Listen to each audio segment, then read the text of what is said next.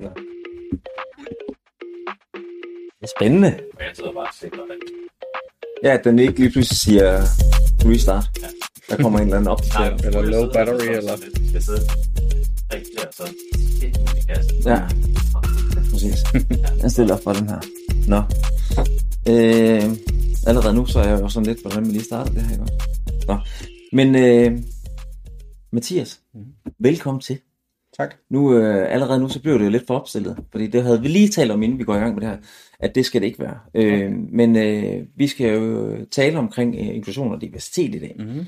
Øh, og det skal vi jo egentlig på baggrund af, at vi for en, hvad, 14 dages tid siden, tre ugers tid siden, var lige ude og besøge jer. Ja. Fordi vi havde sådan lidt, øh, vi vil gerne prøve, vi holdt et event, Mm. øh, sådan en karrierebar, hvor vi havde inklusion og diversitet, og fandt ud af, hvor meget det rent faktisk fyldt. Mm. Øh, jeg talte selv noget omkring øh, diagnoser og så videre, og Mm. det kommer vi også ind omkring her. Mm. Men ellers så vil jeg byde dig velkommen, og øh, til at starte med, Mathias, nogen kender dig måske. Mm. Øh, lidt tilbage fra januar måned, hvor du var i Løvens Hule. Ja. Men kan du ikke prøve lige at introducere dig selv, og hvem Glad Teknik de er? Jo, jeg er stifter og øh, direktør af Glad Teknik AS. Vi er en IT-virksomhed, der ligger i Hvidovre, Ja. der laver reparation af computere. Vi er 34 medarbejdere, og ud af vores 34 medarbejdere er der lidt over 80%, der har en eller flere diagnoser. Jeg har selv både autisme og ADHD. Hvor mange har diagnoser? Altså 80 procent har diagnoser. Er lidt over 80% den dag i Så, dag. så det, det ved du rent faktisk. Altså, Er det noget, I har, er det, er det, er det sådan en bevidst, når I tiltrækker, at øh, I tiltrækker mennesker med diagnoser, eller er det noget, I også i tale sætter i helt i ansættelsesprocessen? Vi decideret ikke i talesætter eller noget, men, men det, der er i hvert fald rigtig mange med diagnoser, der trives rigtig meget hos os, og det spredes jo videre. Og så er der rigtig mange jobkonsulenter, virksomhedskonsulenter, mm. og personer, der har set os i løvens hule, som tænker, Oj, det kan være, at man har en bror eller en søster, der har autisme eller ADHD, mm. som måske ikke lige har lykkes med at komme på arbejdsmarkedet, og så har man måske søster eller bror sagt til den person, du bør måske lige ansøge hos Glad Teknik, og så er de søgt hos Glad Teknik. Mm. Så man kan sige, lige nu får vi cirka 100 uopfordrede ansøgninger om måneden, og størstedelen af dem, det er jo personer med, med diagnoser, så det er jo ikke noget, vi selv har decideret bedt om, men det er noget, der ligesom er, er 100, blevet en del af vores historie. 100 ansøgninger om måneden. Mm. Så I kan godt undvære nogen som os. Altså job. Vi har faktisk aldrig rigtig haft nødvendighed i at bruge det, lige indtil nu faktisk. Nej, det er rigtigt. I hvert fald ikke før de sidste par år, i hvert fald ikke lidt siden løvens hule, kan man sige. Det er sjovt, ja. fordi nu er vi ude på HR Træfpunkt de her dage, ikke også? Ja. Øh, og, øh, og der taler man blandt andet omkring tiltrækning af medarbejdere mm. og Mhm. specialister og employer branding. Og employer branding, det der med at have medarbejdere til at tale positivt om virksomheder, og Ja. har et brand, som ligesom er med til at rent faktisk bare at, Mhm. mm. at, at tiltrække indirekte til Mhm. virksomheden. Mm. Så det må man sige, gør. Men hvordan, hvordan har det været? Altså nu, øh, det, der, det, det der egentlig sker, altså øh, grunden til, at vi sidder her i dag, det var jo som sagt den her karrierebar, hvor vi taler omkring diagnoser og diversitet, og, og det er jo både sågar, at det er øh, alder også, og øh, køn i IT-branchen, at vi skal gerne have flere kvinder ind, og der er mange Ja. ting, der spiller ind, når vi taler omkring de her to emner. Bestemt. Øhm, men hvordan har det været, fordi I var i, øh, i Løvens Hule helt tilbage i 12. januar i år. 12. januar Ja. i år? Mm. Og det var faktisk der, jeg sad nemlig og så det. Jeg tror faktisk, det var min hustru, der sagde, prøv lige at se det her. Mm. Øhm, og, og, og, og da vi så, Kasper og jeg, Kasper han sidder lige derovre, han plejer jo, prøv at sige hej Kasper. Nej. Ja, du skal ikke sige hej Kasper, det nej, Nå, nej, ja. ja. Sige, og der er nok heller ikke så god lyd over dig. Øhm, men, øh, men vi sidder nemlig og, og brainstormer omkring, hvordan, hvem, hvem kan tale omkring det her, hvem gør rent faktisk noget inden for, for, for det her med at, at tiltrække medarbejdere også, og udvikle på medarbejdere, der har en eller anden form for, Mm. for udfordring, enten det er fysisk eller psykisk. Mm. Jeg søgte så på LinkedIn, og så skriver jeg så ADHD. Mm. Øh, og den første, der kommer op, det er så et opslag, et indlæg, øh, faktisk fra Jacob Risgaard, Mm. i en eller anden grund har været connected. Øh, og han har så delt, og så kommer jeg til at tænke på netop den her. Mm. Men hvordan har det været? Altså, du står frem der i, øh, i Løvens Hule. Mm. Jeg kan huske, du nemlig siger det her med, at du selv har diagnoser. Kan det passe, at han også kaldte dig for Elon Musk? Ja, han Ah. gav mig titlen, den danske Elon Musk. Så kan man altid diskutere, om det er godt eller skidt. Ja, og her- lige herinde jeg gik til møde, der, der fik jeg en e-mail fra Jakob også, Ja. hvor han skriver, Hej Iron Man. så, Ah. så han er god til at give nogle titler. Ja. Men hvordan har det været, den oplevelse? Altså, hvordan, hvad har det gjort for, for dig og for, for virksomheden også? Øh, altså, jeg havde aldrig nogensinde forestillet sig, at det ville, det ville ske på den måde. Altså, det tog helt vanvittigt fart, kan man sige. Øh, altså, vi havde regnet med måske plus 50 procent, så vi havde mandet op fra 11 mand til 14 mand. Men allerede aften vi beviser Løvens hul, så bomber det jo ind med e-mails og beskeder og, og mange, mange, mange flotte beskeder fra både forældre, men også unge og børn og voksne, der selv har diagnoserne. Øh, det havde jeg aldrig nogensinde forestillet mig, at det ville eksplodere på den måde. Uha hvordan har det været det der med altså, at få så mange henvendelser for, for blandt andet forældre med, med børn måske, der har nogle udfordringer? det gav mig en kæmpe motivation til at fortsætte indsatsen og til at lægge flere timer i det, kan man mm. sige. Og det var jo også det, det lidt min ønske var, det var at kunne være med til at ændre endnu flere menneskers liv. Så den mm. mulighed fik jeg jo langt om længe, kan man sige. Mm. Øh, og derfor vækstede vi ret hurtigt, og i slutningen af januar var vi allerede der cirka 30 medarbejdere. Så det gik vanvittigt hurtigt. Og hvad var I, da I gik ind i Løvens Hule? 14 medarbejdere, ja. Så I fordoblede næsten på en, en lille måneds tid, halv måneds tid? Jeg ansatte cirka en medarbejder om dagen. Hold nu ja. op, hold nu op. Ja. Nogle okay. dage startede der to eller tre samme dag. Okay. Imponerende. Ja. Øh, og det må da også have været svært at følge med. Ja, det var ret svært at følge med. Vi var bagud et par måneder bagefter. Jeg tror jeg faktisk 3-4 måneder var vi bagud. I, forhold til vores normale, meget hurtige reparationstider, så var vi bagud. Men i forhold til konkurrenterne, var vi stadig rigtig hurtige, faktisk. Ja. Selv og selv. Men, Også, men vi kan godt lide at have styr på tingene og føle os, vi er foran. Det kan man vel godt, når man har en diagnose med autisme. Hvad kan man Altså godt? have ja, struktur og styr på tingene, Ja, ikke ja. også? Det er i hvert fald det, det, er det man trives bedst i. Så, så, så vi bliver alle sammen tryg på kan man sige, øh, og, og hele systemet. Fordi vi plejede at have måske 150 i gang sager, og halvanden måned senere efter løvens hul, så havde vi lige pludselig 1000 i gang sager.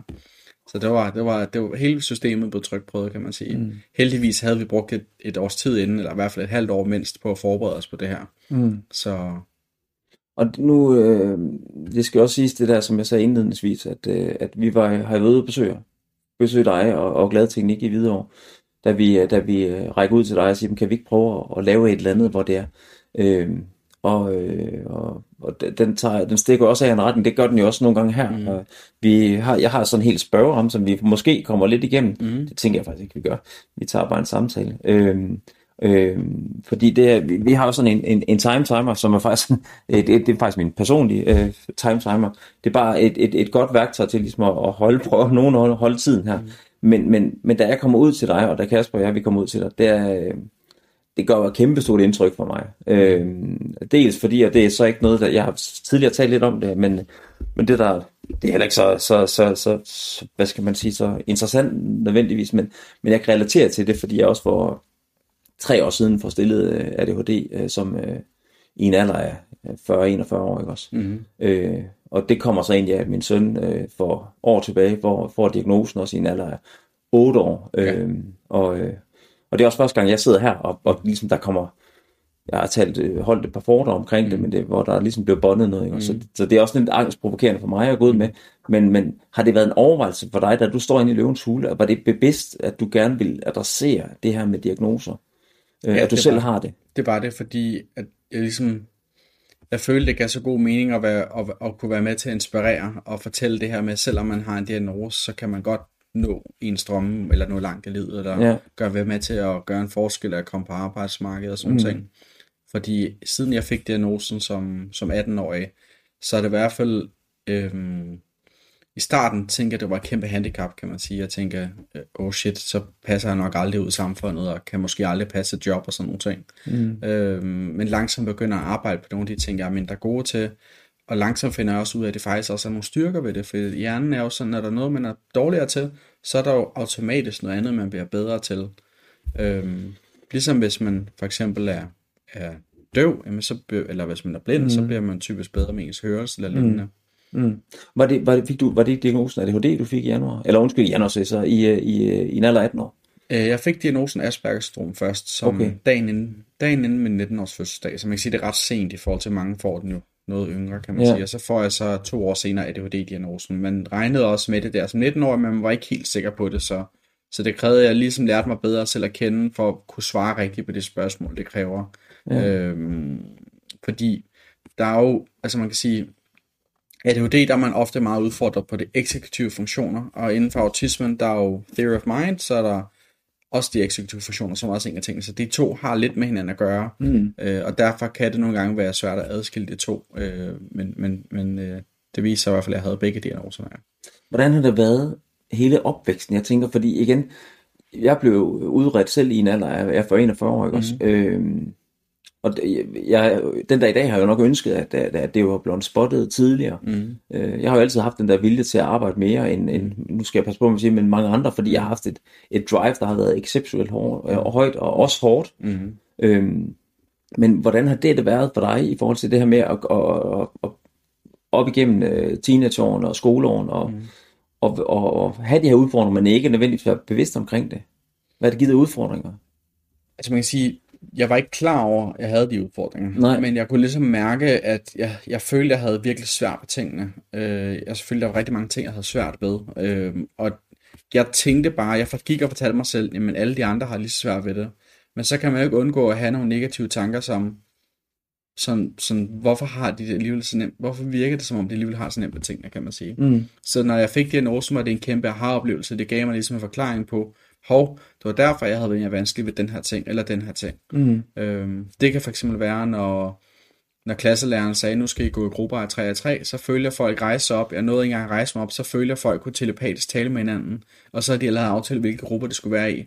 Og jeg står der helt alene, og jeg bliver meget i tvivl om, hvem er egentlig ledig, og hvem er ikke ledig, og hvem vil gerne være sammen med mig, og, og hvordan ledes. Det var en af de mest ubehagelige episoder, jeg for eksempel kunne opleve i folkeskolen. Og det skete jo ugenligt eller mundtligt, at man skulle det her for eksempel. Men det samme galt, når det var frikvarter, så havde jeg også svært ved at aflæse, Ja. om folk egentlig havde mest lyst til at bare være sammen med deres ven alene, eller om, om, om, om jeg måtte være en del af klikken, eller om jeg var besværlig eller ikke besværlig. Det havde jeg svært ved at aflæse. Mm. Mm. Så, så når, man, ligesom, det svarer næsten til, at man har bind for øjnene, når man er i skole øh, og går rundt på verden, fordi man ikke kan aflæse folks ansigtsudtryk og sociale mimik og deres ansigts, eller deres øh, øh, stemmeleje, alle de her ting. Hvis man ikke kan aflæse de ting, så er det faktisk, det, det gør det en del mere scary at være ude i den, i den virkelige verden, kan man Mm. sige. Og hvordan har det så været, den virkelige verden? Altså, ja. fordi du, du er jo så... øh, Hvad, hvad med uddannelse og så videre? Folkeskolen først. Ja. Hvad sker der så? Øh, altså det er meget kaotisk for mig, den der, når, altså for eksempel især fester, eller hvis man er til sådan nogle ting, det, min hjerne bliver bumpet, og jeg er træt flere dage efter, kan man sige. Ja. Og også familiefødselsdage, hvis der er for mange samtaler på en gang, så min hjerne følger med i alle samtaler på én gang. Yes. Og det bliver meget svært for mig at høre, hvad den person ved siden af mig siger, fordi så skal de ofte gentage det 4, 5, 6 gange, Mm. og så tror de, at jeg egentlig ikke er interesseret i, hvad det er, de siger. Øhm, så, så det var også nogle af de ting, jeg for eksempel oplevede, ja. Men, men hvad med arbejdsmarkedet? Hvordan er det så gået? Altså, så- fordi nu er du, jo som du siger, du, du er direktør for en, en, en, en succesfuld, må man sige, virksomhed. Mm. Øh, s- særdeleshed også efter, I har været i Løvens Hule, har det gået øh, forfærdeligt stærkt. Ja. Øh, men inden da, altså inden du stifter Gladteknik, Mm. hvordan har det så været at være på arbejdsmarkedet? Altså en af de første job, jeg fik, øhm, der, hvad hedder det, øhm, var det som piccolo, jeg skulle ud og, hvad hedder det, øhm, så, som piccolo laver man mange ting, man pakker pakker ind og ud, det kører ned med pakker, og, men ligesom at få defineret de her roller var ret svært for mig. Jeg var også i tvivl om, hvem må jeg stille spørgsmål og sådan nogle ting. Ja. Og jeg oplevede også, der var et enkelt sted, jeg skulle tømme skraldespanden, hvor jeg, jeg følte en ubehag, når jeg gik ind i det lokale, fordi jeg følte, at den medarbejder var lidt efter mig. Mm. Så til sidst gik jeg egentlig udenom den, det, værk, det kontor, hvor mm. han sad. Øhm, og øh, så derfor var der nogle få gange, at jeg ikke tømte skraldespanden derinde, fordi Mm. jeg, ligesom, jeg, jeg følte en ubehag, jeg havde ikke rigtig, jeg turde ikke rigtig gå derind.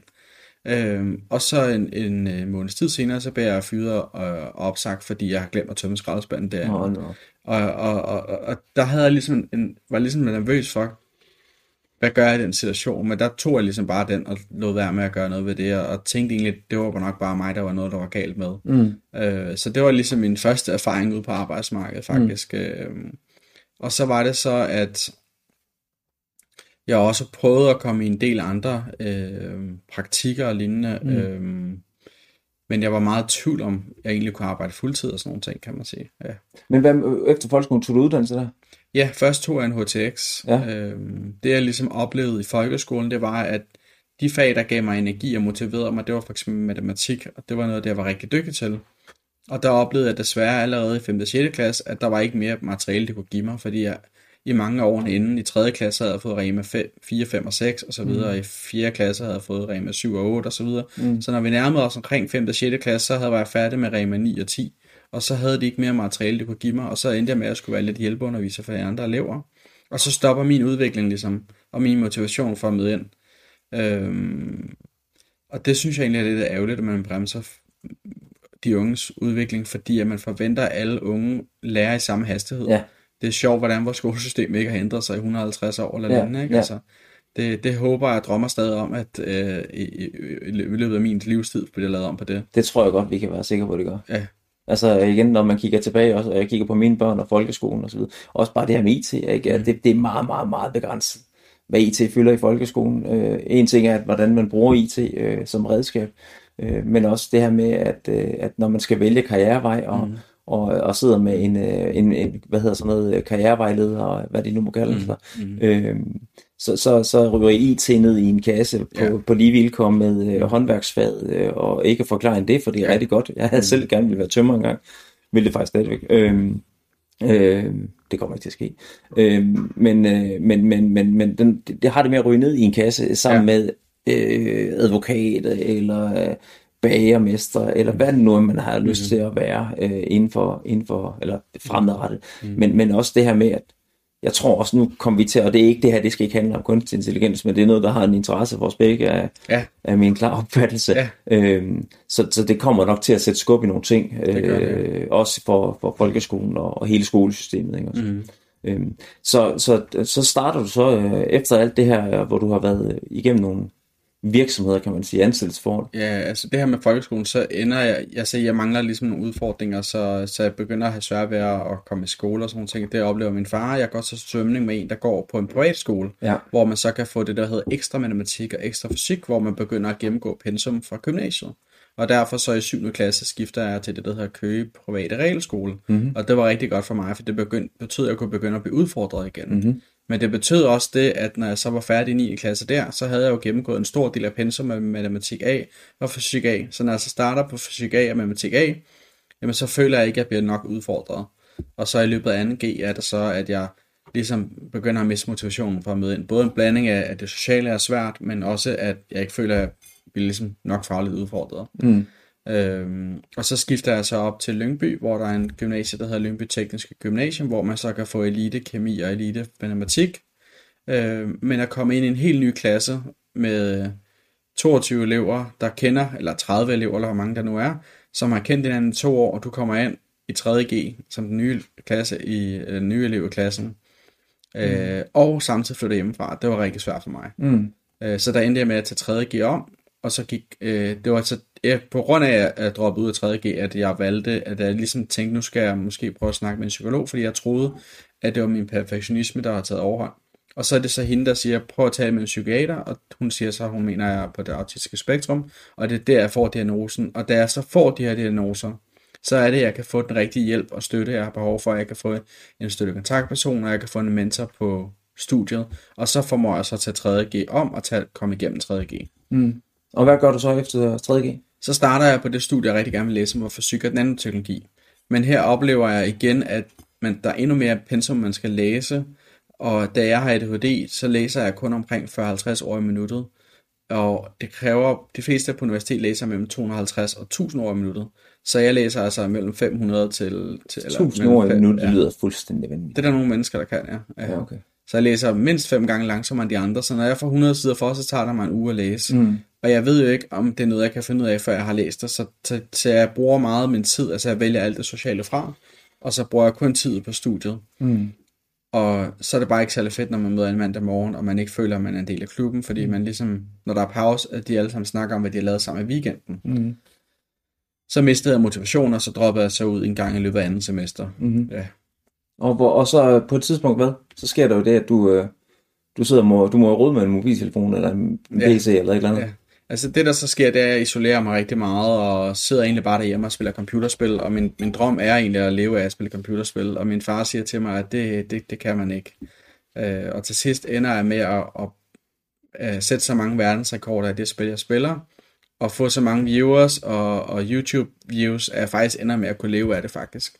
Men, men på et år tager jeg også 15-20 kilo på, og jeg begynder som 23-årig at få ondt i ryggen, og jeg oplever, at man skal streame 18 timer om dagen og sådan noget, fordi de første 12 timer, jamen, der går langsomt, og så går det hurtigere med viewers. Så jeg ender faktisk med at, at, at kunne leve af at spille computerspil, men, men jeg kender også, at det nok ikke er det sjove i længden, fordi så betyder det, at du skal spille det samme computerspil formentlig resten af livet. Fordi når du spiller noget andet, så vil folk ikke se dig. Det vidste jeg ikke. Ja. Den havde jeg ikke lige, øh, den havde jeg ikke lige luret, den der. Mm. Og hvad er det som 23 år? Det er som 23 år, ja. ja. Og hvornår starter interesse så for at, at rode med, øh, nu havde jeg nær sagt... Øh, computer. Ja, computer og... Ja. Altså, så øh, får jeg en ny støttekontaktperson, Frank, som faktisk i dag er vores HR-ansvarlige. Ja. Og han er, han er rigtig god til at hjælpe mig med at komme ud af døren. Og noget af det første, han hjælper mig med, det er at komme med i noget, der hedder Limone, som er en idrætsforening for unge, eller for alle, øh, alle aldre, som har en eller anden form for psykisk sårbarhed, eller psykisk lidelse, eller lignende. Mm. Øh, og det er det, der hjælper mig rigtig meget med at komme ud og spille badminton to gange om ugen, og jeg tager også livreddercertifikat og, og svømmer en gang om ugen, og, og vi styrketræner også en eller to gange om ugen. Så det der med at komme ud af døren, hvor jeg går fra at komme ud af døren en gang om måneden til at komme ud af døren måske 4-5 gange om ugen, mm. det gjorde en kæmpe forskel for mig. Jeg gav livsgejsten tilbage, mm. og når Frank var på besøg, så nogle gange, så var det ikke altid, der var en eller anden plan, men nogle gange satte vi os bare ned og spillede kort, eller spillede 500 eller lignende. Mm. Men det der med at få den her sociale interaktion Ja, ja, igen, præcis. og Frank var rigtig god til at give mig livsgejsten tilbage, og huske mig på, at der er nogle ting, jeg er god til, og sådan nogle ting, fordi jeg havde ofte med tendens til at se de dårlige ting i tingene. Mm. Så han gav mig ligesom livsgejsten tilbage, men samtidig med det, så stillede øh, kommunen jo også nogle krav til mig. Mm. Øh, jeg skulle en eller anden form for arbejdsprøvning og et, gennem et ressourceforløb, man skulle finde ud af, hvor mange timer kan jeg arbejde. Selvfølgelig. Øhm, og det var jo deres job at finde mig en praktik. Og jeg vidste godt, at jeg ville i praktik inden noget for inden for IT, eller ingeniørfaget, eller fysik, eller et eller andet inde i det område, mm. som interesserede mig. Men det var altså ikke nemt at finde en praktikplads inden for det. De fandt sig en praktikplads, og det var på Gelskovskolen oppe i Virum, som er en speciel skole for unge, der har en eller anden form for handicap, såsom cerebral parese. Og, Og der det var ved jeg ikke, hvad er. Men det øh, en form for lammelse eller lignende. Ikke? Okay. Og der er det så, at den praktik, jeg skal i, det er som praktik som socialpædagog. Mm. Så jeg skal i praktik som socialpædagog, og jeg har et usynligt socialt handicap. Og så tænker jeg sådan lidt, det er jo ligesom at få en blind førerhund til at være førerhund. og jeg, jeg er bare sådan total no-go. Jeg er virkelig meget sådan, at øh, skram for livet og sans, at, mm. at det, det, det skal jeg ikke. Øh, men alligevel får, får de bakket mig op, og Frank hjælper mig med at komme afsted og give det en chance. Og jeg får også lidt ekstra aspekt i, at jeg også kan være lidt hjælpeunderviser for de andre elever. Det synes jeg var meget fedt. Mm. Men, men det var den første praktik, jeg blev kastet i. Og jeg endte faktisk med at være glad for det, fordi jeg lærte utrolig mange ting af det. Jeg fandt ud af, ud af at selvom man har et eller flere handicap, mm. så kan man stadigvæk godt være, være glad for livet, og man, mm. man kan få så mange ting ud af livet alligevel. Ser du i dag det som en handicap? Stadigvæk. Øhm, det er jo det er det jo. tvivl en udviklingsforstyrrelse og et Ja. handicap, så det, det er man jo nødt til at kunne erkende. Mm. Øh, men det handler om at se styrkerne i det frem for alle begrænsningerne. Yes. For der er også nogle styrker i det. Ja, fordi det er også det, min oplevelse er, specielt med både med min egen søn og, og, og, og jeg selv også det her med, at når man, når man taler med mennesker, og, og nu har jeg talt efterhånden med rigtig mange de sidste 3-4 år, fordi mm. når man, jo mere man taler åbent omkring det, sådan, mm. både på arbejdspladsen, men også i det, i det, mm. i det i fritiden, kan man sige, i det private liv, øhm, så, så oplever man lige pludselig, at øh, folk de kommer til en. Ja. Øh, og det, det har du så bare oplevet i kæmpe skala efter løvens hul også. Øh, Ja. men, men folk søger ligesom en, fordi at der er nogen, der tør at stå ved. Ja. Og det er også ligesom min mission med, med, med det her også, det er, at vi kan blive med til at, være med til at, at nedbryde tabet, tabet omkring det her med at have en, en, en psykisk diagnose. Ja, Øh, på, også på arbejdspladsen, ikke og også? det oplevede jeg også, når jeg var ude til jobsamtaler, og var sådan meget tvivl at jeg skulle sige det, og, ja. og jeg oplevede de gange, jeg sagde det, at så var det sådan, uh, uh, ja, det... Det, Ja, sådan nærmest agtigt, ikke? Sådan, hvad, hvad, hvad skal de bruge det til agtigt? Øh, Ja. Og så føler man jo lidt, man bliver valgt fra, fordi man nævnte det, fordi så Ja. har de en dårlig ting på en. Har du altid nævnt det, når, altså op til, inden du starter øh, glædeteknik op, har du altid nævnt det, når du har været i proces? Jeg var ude til en del øh, jobsamtaler, og, og øhm, jeg nævnte det til en stor del af dem, men jeg prøvede også nogle enkelte, hvor jeg ikke nævnte det. Ja. Øhm, men, men jeg følte ligesom, at det var vigtigt at være åbenhed over for det. Ja, fordi det er faktisk en af de spørgsmål, jeg har skrevet, det er, mm. altså er det, er, det noget, er det noget, du vil anbefale, at man nævner, når du sidder i en ansættelsesproces, eller måske på en arbejdsplads, hvor du er øh, blevet, øh, blevet udredt?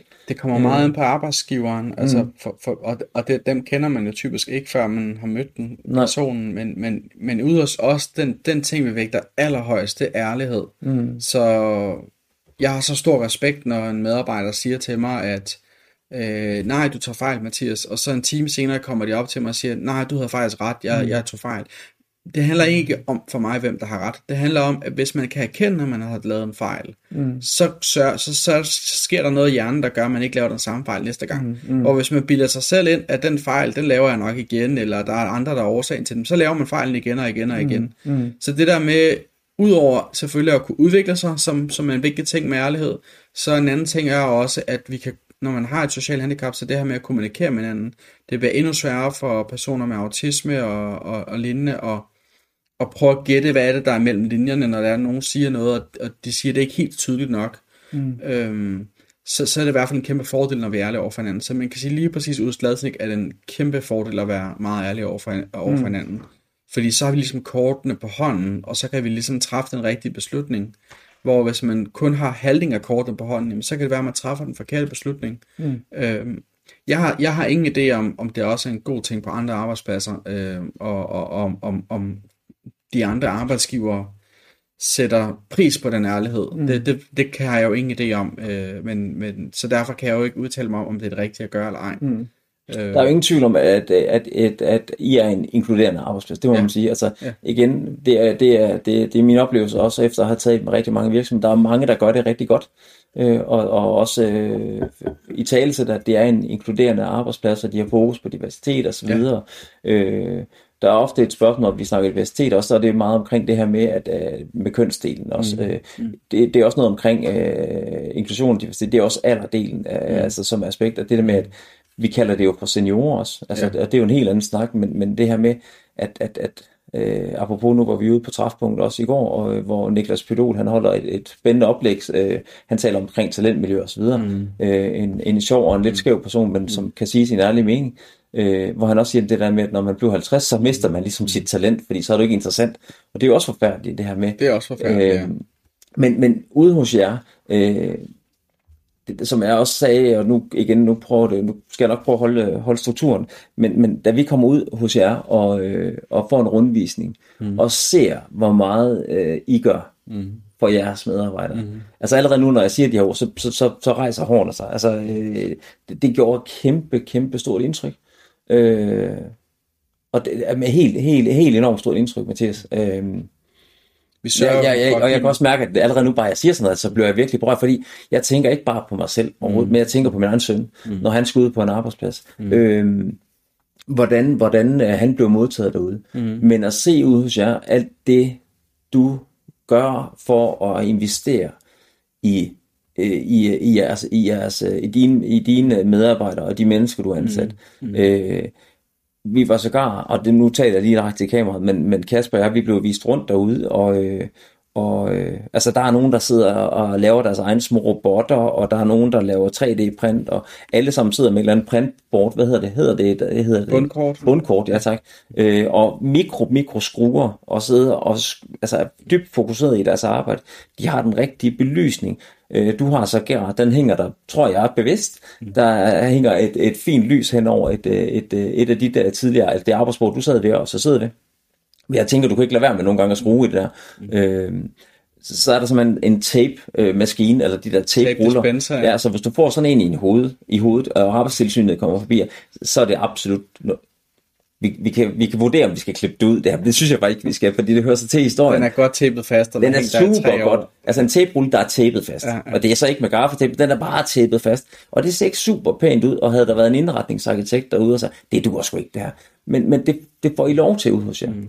Og vi kommer ind i et andet rum, hvor du også selv sidder og, og, og, og arbejder og nørder lidt, øh, hvor der er lydisoleret, der er akustik, altså over hele mm. virksomheden, altså i alle stort set alle vægge, alle, alle, alle Det er plastret ind i akustik. Mm. Øh, men det der, det, der, det der gør ekstra indtryk, det er, at vi kommer derind, så ligesom altså akustik, altså lyden dør bare, mm. når vi taler sammen. Mm. Øh, og så er det 16 grader. Og så sidder der en fyr derinde, der er i t-shirt. Og, og jeg tænker, og Kasper, jeg tror, det er dig, der spørger, det er sådan lidt koldt derinde. Men det er fordi, vi godt kan lide at have det arbejde koldt. Fordi mm. ellers så får vi hovedpine, og de, der er konstant 16 mm. grader derinde. Mm. Er det korrekt? Jeg har lige været lidt efter den, så nu skal det gerne være på omkring 19 grader, fordi 16, det, det, det, det er altså for koldt, det kan man godt besøge af.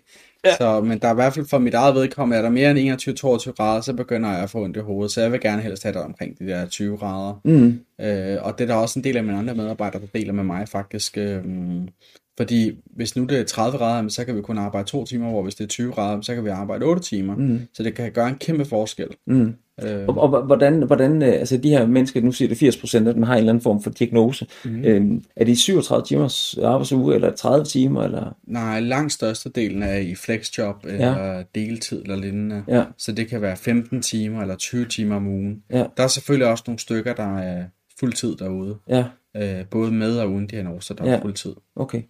Øhm, hvordan, øh, hvordan oplever du deres, altså hvad er deres oplevelse med at være, være ude hos jer? Og det er ikke fordi det her, det skal være en reklame for glædeteknik. Nej, Øh, det, det, det ønsker jeg faktisk gerne, det må. Fordi I gør noget, der er så sindssygt godt for, for, for samfundet og for arbejdsmarkedet. Øhm, men hvad er, der, hvad er din oplevelse med, altså den feedback, de må komme med dig? Altså, øh, Altså, vi oplever flere ting. Altså, et godt eksempel er, at vi har en medarbejder, han har lige haft fireårsdagen, Nikolaj. Ja. Og han havde bestilt en to ugers sommerferie. Ja. Eller han havde fået, god, fået godkendt to ugers sommerferie. Allerede en uge inden i sommerferien, en uge og en dag inden i sommerferien, skriver han besked til mig mandag aften, om han ikke kan komme tilbage før for ferie, fordi han savner os så meget. Øh, Han sagde, rev også, at øh, det er også okay, hvis jeg ikke får lov, men, men, men, men han, han savner os rigtig meget. Og så kommer han altså tilbage fra ferie allerede om onsdagen eller sådan noget, efter en uge og to dage. Mm. Øh, og det siger jo noget om, hvor meget han elsker at være der. Ja. Vi har eksisteret i fem og et halvt år nu, og i de fem og et halvt år har vi kun haft en medarbejder nogensinde, der har sagt op selv, som selv har sagt op. Og den medarbejder har skrevet mig fem eller seks sms'er alene i år, om vi ikke snart har plads til ham igen, om han ikke snart må komme tilbage. Så er folk virkelig glade for at være derude. Øhm, det er i hvert fald det, jeg erfarer, og, og, og det, det er sådan deres feedback, kan man sige. Den anden ting er, at se den ændring og den kæmpe øhm, øhm, ændring, livsændring, de går igennem, hvor en medarbejder, øhm, som måske på andre arbejdspladser havde måske taget medarbejderen 10 år eller mere, eller måske mm. aldrig kommet i den ændring, men vi har en medarbejder, han, når, i første dag han starter, der har han så meget angst, når han når han møder ind, han, han ryster så meget af bordet, han sidder ved ryster. Mm. Øh, og han på det her tidspunkt arbejder, han, så br- bruger han al sin tid derhjemme i hans mors kælder og sidder og game computerspil, mm. og kom ikke ud fra døren. Lidt lidt som min egen historie. Mm. Og nu halvanden år efter, der er, udover at han havde angst over for at håndtere kunder i butikken, så kan han godt håndtere 20-30 kunder. Han havde angst, allermest angst over for at snakke i telefon. Nu kan han sagtens snakke med 20-30 personer på en dag. Men udover det også møde ind dagen efter, fordi mm. førhen, hvis han har haft en kunde, han har håndteret, så mødte han ikke ind typisk dagen efter, fordi han overtænkte af, hvad det sagde. Mm. Så nu kan han godt den her kundekontakt. Han har ligeledes været ude at rejse alene. Han har fået en kæreste, han har fået et kørekort, han har fået bil, og han har flyttet hjemmefra. Alle de her ting på blot halvanden år. Og det er den enorme udvikling, jeg ser rigtig mange af vores medarbejdere gå igennem, når de starter hos os. Mm. Det kan også være en medarbejder, der har startet, der øh, i forvejen har fået bevilget flexjob på en anden arbejdsplads, og det er blevet måske blevet bevilget i de rammer, mm. kan personen arbejde 6 timer. Men når det kommer ud til os, så kan de mærke, hov, jeg kan godt arbejde flere timer, fordi der er den rigtige temperatur, der er den gode akustik, der er fast plads, og alle de her ting, der virkelig har en kæmpe forskel, når man har en, øh, en for eksempel autisme-diagnose, øhm, så kan de mærke, at de kan arbejde flere timer, og så i de rammer kan de måske lige pludselig arbejde 18 timer. Mm. Hvordan, hvordan, hvordan, øh, altså hvad vil du anbefale øh, virksomheder at gøre, hvis det er, at de gerne vil altså, prøve at fagne og imødekomme bedre mennesker med, med diagnoser? Og nu siger jeg mennesker, fordi det, det, det, det er mennesker, det er ikke nødvendigvis bare medarbejdere. Mm. Altså med mennesker med diagnoser på, på arbejdspladsen. Mm. Øh, hvad kan en leder gøre? Altså det, fordi det igen, det er ofte den her med berøringsangst. Mm. Det, det, det, det er næsten, der er mange ting, der er berøringsangst ja. med. Også med sygdom, livstruende sygdom og så videre. Altså det der med, at uh, vi, det, det, uh, mm. det, det er sådan lidt uh, uvist, og det vil vi helst ikke lige prøve. Mm. Og, men hvordan kan man sikre, at der bliver skabt den her åbenhed? Og hvordan ja. man som leder kan, mm. hvordan kan du bedre som leder, mm. hvis du ikke selv nødvendigvis har en diagnose, det har du formentlig ikke, men, men, men fagne de her medarbejdere. Jeg vil mene, det er at spørge, fordi det værste, man kan gøre, det er at konkludere på andres vegne. Ja. Det oplever vi også, når vi reparerer en kundes computer. Så kan det godt være, at vi mener, at det giver bedre mening i nogle tilfælde, hvis den er slemt skadet at købe en ny, men mm. vi har jo ingen idé om, det er mere værdifuldt, eller om den, den computer, de har i forvejen, er meget værdifuld for, for den her kunde, fordi mm. der er nogle visse programmer eller lignende. Så det der med at træffe beslutningen på en kundes vegne, det samme gælder også, når man har en medarbejder. Så det bedste, man kan gøre, hvis, hvis medarbejderen, og jeg tror uanset hvilken medarbejder det er, om man har en diagnose eller ej, så er det rigtig godt at spørge. Fordi så er man sikker på, at man ligesom kan få stillet spørgsmålet, og, og de får mulighed for at give udtryk for, hvad, hvordan det er, man kan gøre deres arbejdsdag mm. bedre. Mm. Øh, Altså spørge, hvis det er, altså du, man kan vel ikke bare gå hen og spørge en, som ikke er, har en diagnose, Nej, nej, du ligner en, der har ADHD. Nej, men man kan godt spørge en medarbejder, der ikke har en diagnose, ja. Om hvad kan jeg gøre for at... Øh, Støtte dig. ja, nej, altså har du, no, har du noget på hjertet, noget vi kan gøre for at gøre din arbejdsdag bedre? Det kan man også spørge en person om, der ikke har diagnoser, fordi alle, uanset om man har en diagnose eller ej, så det der med, at du som medarbejder skal indordne dig, hvordan arbejdspladsen er. Det er ligesom den, den kultur, faktisk i forgårs havde vi besøg af tre japanske forskere. Det De var godt. kommet til, til os for at finde ud af, hvordan, hvad er det, vi gør her, og hvordan lykkes vi med det, og de vil gerne ændre det, fordi i Japan, der er kultur, når du starter hos, medop, eller hos en virksomhed, så skal du indordne dig de rammer, der er. Det kan aldrig nogensinde komme på tale, at virksomheden bare skal ændre sig lidt på baggrund af dig, der starter. Hvor at, der har vi jo bygget det meget anderledes op hos os, der snakker vi med medarbejdere, øh, der for 3-4 år siden, han sagde, at han havde ondt i hovedet, om han ikke kunne, om han ikke kunne få et, øh, et høreværn, vi kunne købe hjem til ham, og så sagde han, nej, du skal da ikke have et høreværn. Det bliver sidste resolution, eller sidste solution, mm. kan vi ikke kigge på at få noget mere akustik op først, og det var derfor, vi begyndte at få så meget akustik, og så stod jeg, hvor stor forskel det gjorde for ham, men også for mig og mange af mine andre kollegaer. Og, og derfor så prøver vi ligesom at spørge øh, medarbejderne, hvad kan vi gøre for at gøre det bedre? Øh, et, godt eksempel er, øh, mener det hedder Mary Elizabeth Hospital, man er ved at bygge. Der går man rundt og spørger øh, på hospitalet, øh, de her børn og unge, øh, som er indlagt, hvis de har et ønske, og kun et ønske til øh, noget, der skal laves bedre, mm. hvad vil det så være? Mm. Jamen det vil egentlig bare være, at man kunne åbne vinduet, så man kunne få noget frisk luft. Mm. Øh, og det har de sørget for at implementere på det nye hospital, de bygger. Så det her med nogle gange at spørge, det, det kan i virkeligheden nogle bare, gange bare være en simpel lille ting, mm. øh, som kan gøre verden til forskel for ens medarbejdere. Mm. Ja, skabe de der rammer. Ja. Det må da også være en, hård, altså en svær balance for, øh, jeg tænker, det må have gjort noget ved jeres produktivitet. Det har det. Altså, at, at I, I skaber de her rammer, og I har den der forståelse. Jeg havde en medarbejder, der sad øh, alle vores pladser, arbejdspladser ind mod en væg, ja. eller sådan, altså ikke ind mod hinanden, så man har så mange visuelle forstyrrelser. Mm. Men der er selvfølgelig nogle af dem, der er mod, ud mod et vindue, og ud mod gaden, hvor der kører biler forbi, og folk cykler forbi. Mm. Og der havde jeg en medarbejder, han kunne simpelthen bare ikke nå sit arbejde, og jeg oplevede, han, han rigtig ofte snakkede, også se den bil, der kører der, eller den, den cyklist, der er der, og lignende. Det var mig i folkeskolen, det der. Helt sikkert. så, så, så jeg bytter rundt på ham og en anden medarbejder, ja. Og når han så får den anden plads, hvor man kigger ind mod en væg, så når han lige pludselig dobbelt så meget ja. I, i timen. Det? Og det betyder at allerede kl. 13.14, så er han i bund med sin seng, og så kan han slappe mere af, så det betyder, at han kan tage, han behøver ikke stress igennem arbejdsdagen, så han, kan, han får meget mere øh, livsglæde ud af dagen, mm. og han kommer hjem fra arbejde og føler ikke, at han er bagud. Mm. Øhm, Eller udbrændt. og udbrændt også, ja. Så det, det var bare en kæmpe fordel for ham mm. at, at, at få den plads i stedet for.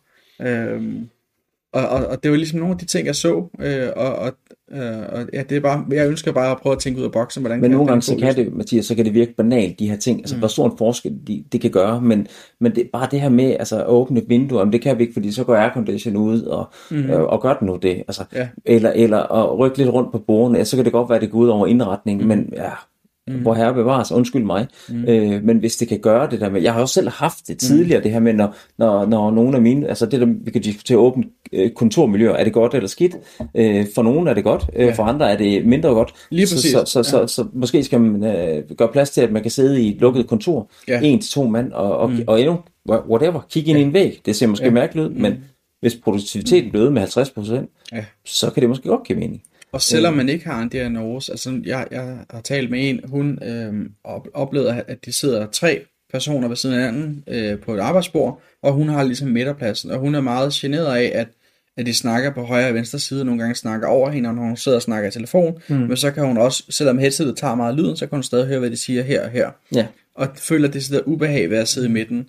Mm. Noget så simpelt om at, at rykke den her medarbejder til en anden plads, så man mm. ikke sidder i midten, det gør verden til forskel. Mm. Øhm, og det selvom man ikke har en diagnose, så mm. kan, det også være, kan det også nogle gange være sådan en lille ting, der skal til.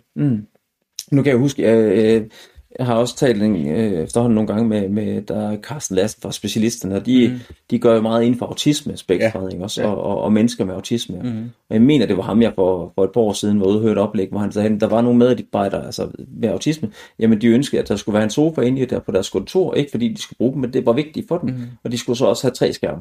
Mm. Ikke fordi de skulle bruge tre skærme, mm. men det var vigtigt for dem. Mm. Altså, og, og anerkende, altså det, der er vigtigt for, for dine medarbejdere, er nødvendigvis ikke vigtigt for dig. Mm. Og omvendt. Og, mm. og, og prøve at og, og, og være lidt mere, hvad skal man sige, øh, åben for, at, Ja. ja. at, at jamen, så, så prøver vi de her ting. Øh, Mm. mm. Jeg har selv haft den her med for år tilbage, at- hvor, hvor, hvor der var nogen, altså nogle af mine, som bø, mm. bedte om at få et, øh, et, et Bose Noise Cancellation headset, ikke også? Mm. Og sagde, ah, men det koster 2.500, altså, og det er selvfølgelig mange penge for, for, for, for, for mange virksomheder.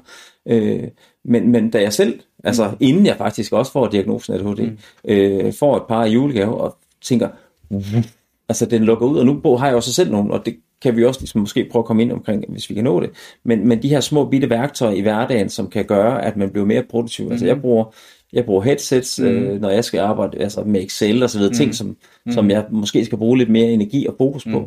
Øh, så har jeg noise cancellation, ellers så bruger jeg fokusmusik. Mm. Mm. Altså man sådan der bare nærmest kører monoton Jeg i vil ønske, ørerne. jeg havde det, dengang jeg gik Ja. på studiet. Altså at have de her ting. Ja. Sådan nogle værktøjer, altså og, og, og, og prøve at, det behøver ikke at være omkosteligt, men, men at, at, at, at, at, skabe noget gennemsigtigt omkring, hvad der rent faktisk kan virke for folk, og have en forståelse for det.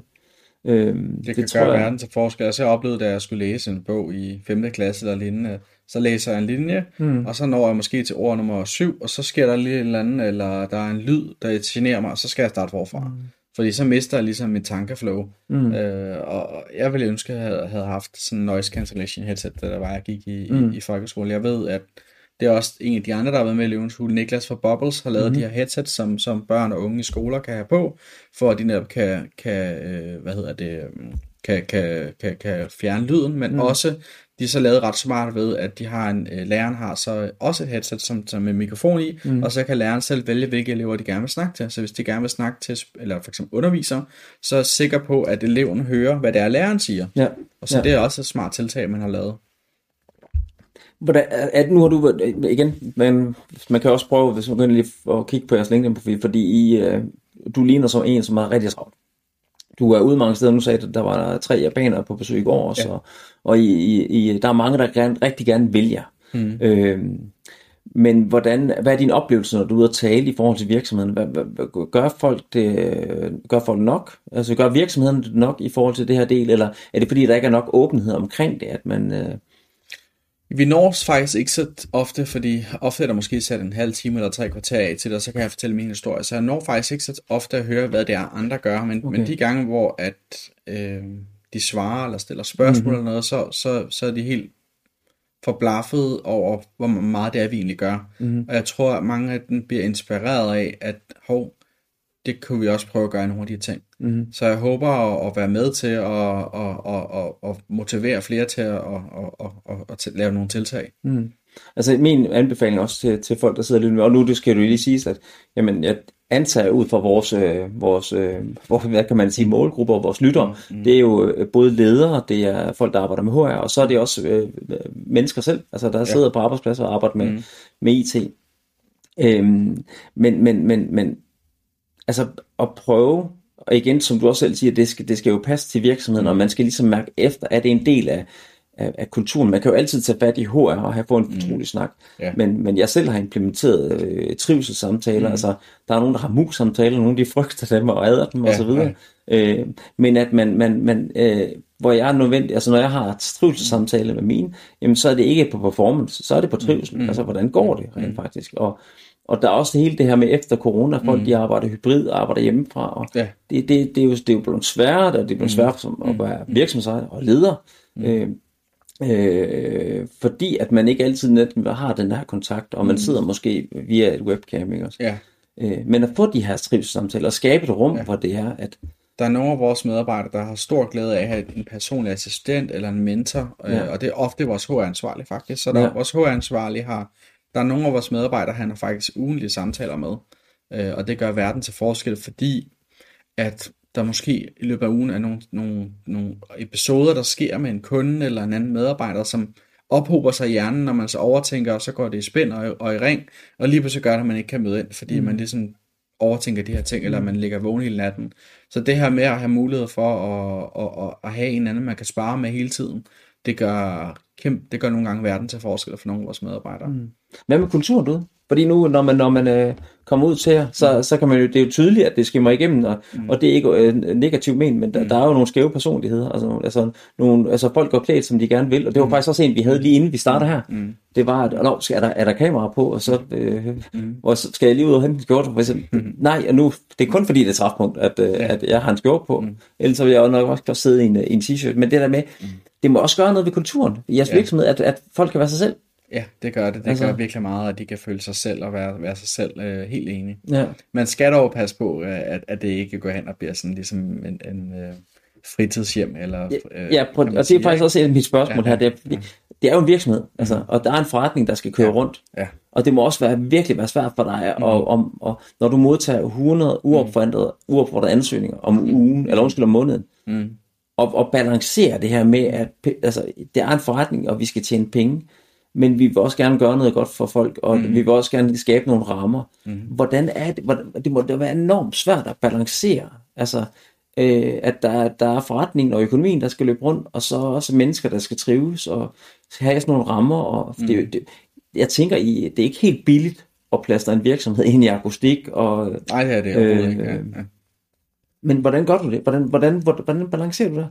Øh, altså, øh, når en medarbejder kommer og siger, og måske også i forhold til økonomien, altså, hvornår giver det mening, hvornår det giver det ikke mening? Mm, mm. Øh, er, det, er, det, er, det, er det svært?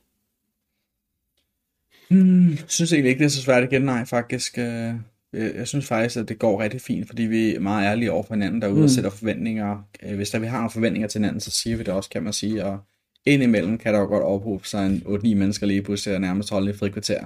Og der, der må vi jo indimellem også sige, hey, øh, hvis vi alle sammen står og snakker he, hele dagen lang, mm. så bliver vi altså overhældet af vores konkurrenter. Mm. Så vi har kunder, der, der ringer og gerne vil have deres ting løst hurtigst muligt, så vi er nødt til at komme tilbage på arbejde. Så en, en gang imellem må man adressere det, nogle gange ugentligt, øh, og, og folk, øh, man kan sige, det der nok har været årsagen til, at det skete, for at vi har fik rigtig mange, der startede samtidig, og mange af dem var måske deres første job nogensinde. Så det der, de havde måske ikke lige været på arbejdsmarkedet før, og ved, at at det selvfølgelig ikke er normalt, at man bare kan sidde og snakke hele dagen lang, og det, det gør man i frokostpauser eller i pauser, kan man sige. Ikke? Mm. Øh, så det har jo også været en kulturændring, vi ligesom skal ændre, når vi sidder på vores plads, jamen, så skal vi jo gerne gøre vores bedste for at løse vores kunders udfordringer. Mm. Selvfølgelig ikke 100% af tiden, men, mm. men det går ikke, at det kun er 30% af tiden, og så de sidste 70% af, Nej, af, af, af, af space og ballade. Ikke? Mm. Så det er ligesom en, en, en kunst, er en balance, og, og og, og der har vi jo selvfølgelig en gang imellem også, når, man, når vi har vores samtaler en til en med vores medarbejdere, så sørger vi selvfølgelig også lige at fortælle, øh, at der er også den kommercielle tankegang, man også ligesom skal have med i, ja. i øjnene, når man er på arbejde, men så er det jo det vigtigste formål, vi har, udover selvfølgelig at trives og have det godt, så er det også at løse vores kunders udfordringer. Ja. Og hvordan... Øh... Jeg, jeg, jeg tænker det her med, øh... når du får 100 ansøgninger, hvordan, hvordan, hvordan øh... Fordi jeg tænker, det, det, er, jo, det er jo både for, for, for medarbejdere selv, der ønsker at blive en del af, af virksomheden, eller mennesker selv. Øh, jeg har hørt dig også sige, at du har fået en ansøgning fra, fra en forælder. Ja, øh, ja, jeg har også haft en, hvor det var forældrene, der fik medarbejderne til at starte, øh, fordi at, at hun som mor så jo sin søn, og den historie, jeg havde, lignede meget hendes søns historie, han mm. ikke rigtig kom ud for dør. Mm. Og han bare spillede computerspil og sådan nogle ting. Mm. Og der har jeg erfaret, fordi det har jeg prøvet nogle gange, hvor jeg så har sagt ja til, at de kan starte praktik, og moren får overtalt sønnen til det, eller barnet til det. Men den dør altid efter et par måneder eller lignende, fordi hvis, hvis ofte gør den, fordi hvis, hvis den her unge person, eller øh, uanset alder, ikke selv har motivationen til at, at, at skulle ud, og selv føler det deres drøm eller vision, mm. så, så fungerer det bare ikke i længden, fordi mm. det, det er med vigtigt, at, at motivationen er der. Mm. Helt enig, helt enig. Hvis du skulle sådan, øh, sådan afslutningsvis, nu har vi jo prøvet at se, om vi, øh, vi skulle holde den øh, på 45 minutter, vi er gået lidt over, kan jeg se nu, men, mm-hmm. men, men skulle give en opfordring til virksomheden derude i forhold til at arbejde mere med diversitet og inklusion. Mm. Hvad, hvad, hvad, hvad kunne du så give af måske af gode råd?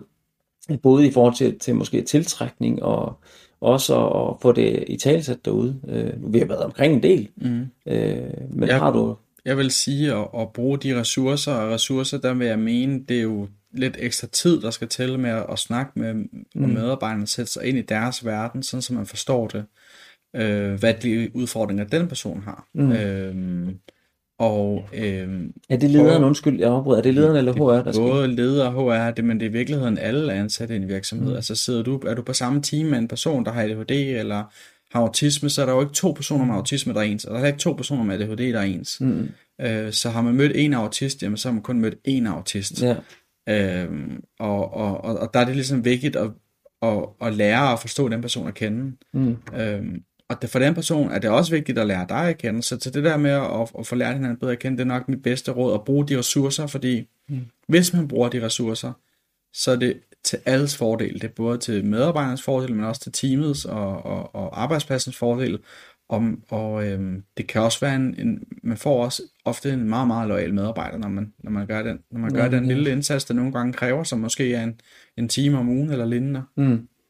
Ja, fordi det er også det, øh, ja, altså, øh, mennesker, de ved vi også på alle de undersøgelser, vi laver, og analyser, det er og rapporterne, vi skriver, at, Mm. at det, der motiverer mennesker til at skifte job, det er udsigten til at få en højere løn, men med grund til, at de skifter, Mm. det er dårlig ledelse. Mm. Det er kedelige arbejdsopgaver, det er ingen mening, det er manglende forståelse, Mm. og det er alt sammen noget omkring ledelse. Mm. Og der er sjovt nok tankevækkende, at der kommer dårlig løn som en 8. og 9. plads. Det er rigtigt. Så det er ikke grunden til, at vi skifter. Mm. Det er dårligt. Altså, det er ledelse, Mhm. det er ikke løn, men det er motivationen for at komme videre.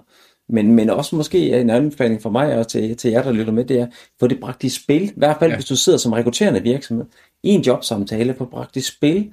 Hvad er det rent faktisk, når du sidder med en kandidat? Hvad er der grund til, at personen sidder der? Mm. Øh, at ja, hvis man nu så kan sætte, uh, undskyld, flueben ved lønnen, mm. jamen hvis, hvis den så er, er afstemt, er der så noget andet, der, der, der spiller ind? Øh, altså, der må være et eller andet, der gør, at man, man tager beslutning om, at man gerne vil ud og afsøge markedet, ikke også? Bestemt.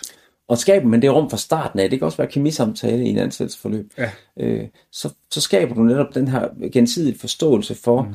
At, at, at, at det er et menneske, du sidder overfor, øh, og, og også hvad motivationsfaktoren er ud over lønnen, mm. for at man skifter, fordi ofte så er det dårlig ledelse. Mm. Øh, og kan man så imødekomme på de parametre, mm. så får du bare mere glade medarbejdere, og de Bestemt. bliver længere. Ja, ja, ja vi, vi har en derude nu, han, han havde rigtig meget angst for at komme til ledere, fordi han har haft ret mange dårlige og ubehagelige episoder med tidligere ledere på andre arbejdspladser, Ja. hvor han havde fået rigtig mange skideballer for ja, underlige ting og ingenting og så Mm. videre, og blevet overfuset og sådan nogle ting. Så han havde det sted angst øh, for at komme til mig. Og jeg tror, han har haft måske 20 samtaler med, med vores HR-ansvarlige, og efter de her mange samtaler og mange gode episoder med mig, så langt om længe her efter et halvt års tid, så nu er han tryg til at komme til mig. Og, og det gør bare verden til forskel, og det gør også, at han ikke går rundt og føler, at hver gang lederen går forbi, at man, at man så rej, hårene rejser sig på armen eller lignende. Sådan skal det jo ikke være at gå på arbejde. Nej, nej. Øhm, Prøv lige at høre, Mathias, med de her ord, så synes jeg, at vi skal prøve at se, om vi kan, vi kan runde af, men, men jeg er så taknemmelig for, at vi har mødt hinanden. Mm. Jeg, det du gør, det giver. Altså hvis man snakker om meningsfyldt arbejde, så giver det så meget mening, det I det laver. gør det, ja. Øh, og du skal også bare vide, at I gør en kæmpe forskel. I gør stort indtryk på, på Kasper og jeg også. Mm. Øh, fordi det, det her der, der er simpelthen behov for. Mm. Øh, mentale udfordringer i folkeskolen er et kæmpe problem. Og Det børn og unge, og specielt drengene også, mm. Men også pigerne, de, øh, de, der er mange, der mistrives. Mm. Øh, og at I, øh, I stiller op og, og taler åbent omkring det her. Øh, og, og er villige til at investere i det, fordi. Ja. det gør I. Mm. Det, det er prisværdigt og meget, meget, meget inspirerende. Øh, mm. Jeg håber på, at min søn øh, på, øh, på 12 år en dag kan starte ud ved at i praktik. Øh, det, Det fordi det- allerede, det- når han fylder 13 år, jo. allerede da jeg kom ind for døren, så tænkte jeg, jeg føler mig, man føler sig faktisk velkommen, og man føler sig hjemme. Øh, Mm. Så Mathias, tusind tak, fordi du, øh, du er med, og, øh, og øh, jeg kan kun opfordre til, at hvis man ikke kender glædeteknik, så gå ind og, og besøg dem øh, på LinkedIn, eller måske øh, tage ud og, øh, og, og få lavet, øh, repareret en, en telefon, mm. eller mm. en PC, en Mac, eller hvad det må være. Ja, apropos det, du siger med at føle sig hjemme på arbejdspladsen, der er det også en af de ting, vi oplever rigtig vigtigt. Rigtig mange af vores medarbejdere siger, at de får mere energi ved at have været på arbejde. Ja. Og det, det værste, det kan være, det er, at man føler, at det dræner en at have været på arbejde. Ja. Øh, og, og det er ligesom den kultur, vi ligesom stræber hen imod, og, og jeg ved, det kan lade sig gøre og lykkes at, at, lave, at lave de rammer. Mandag morgen, når man står Mm. så er det så vigtigt, at man glæder sig til at komme på arbejde. Det er det. At man ikke glæder sig til, at det bliver fredag igen. ja. Så, øh, og jeg skal også lige sige, at du har nogle slides med, dem har vi ikke været igennem, men jeg får dine slides, jeg har set billederne, Og øh, nu når vi kommer til at sidde og nørde med det her og klippe det lidt sammen, så øh, smider vi nogle billeder ind undervejs. Og ellers må vi tage en part 2 en dag. Eller? Jeg tænker faktisk, at vi allerede nu tager en part 2, om det er kunstig intelligens eller vores egne problemer, vi snakker om. Ja. Det, det må vi se. Men uh, Mathias, du er mega fed. Tusind tak, fordi du var med. Tak. Tak.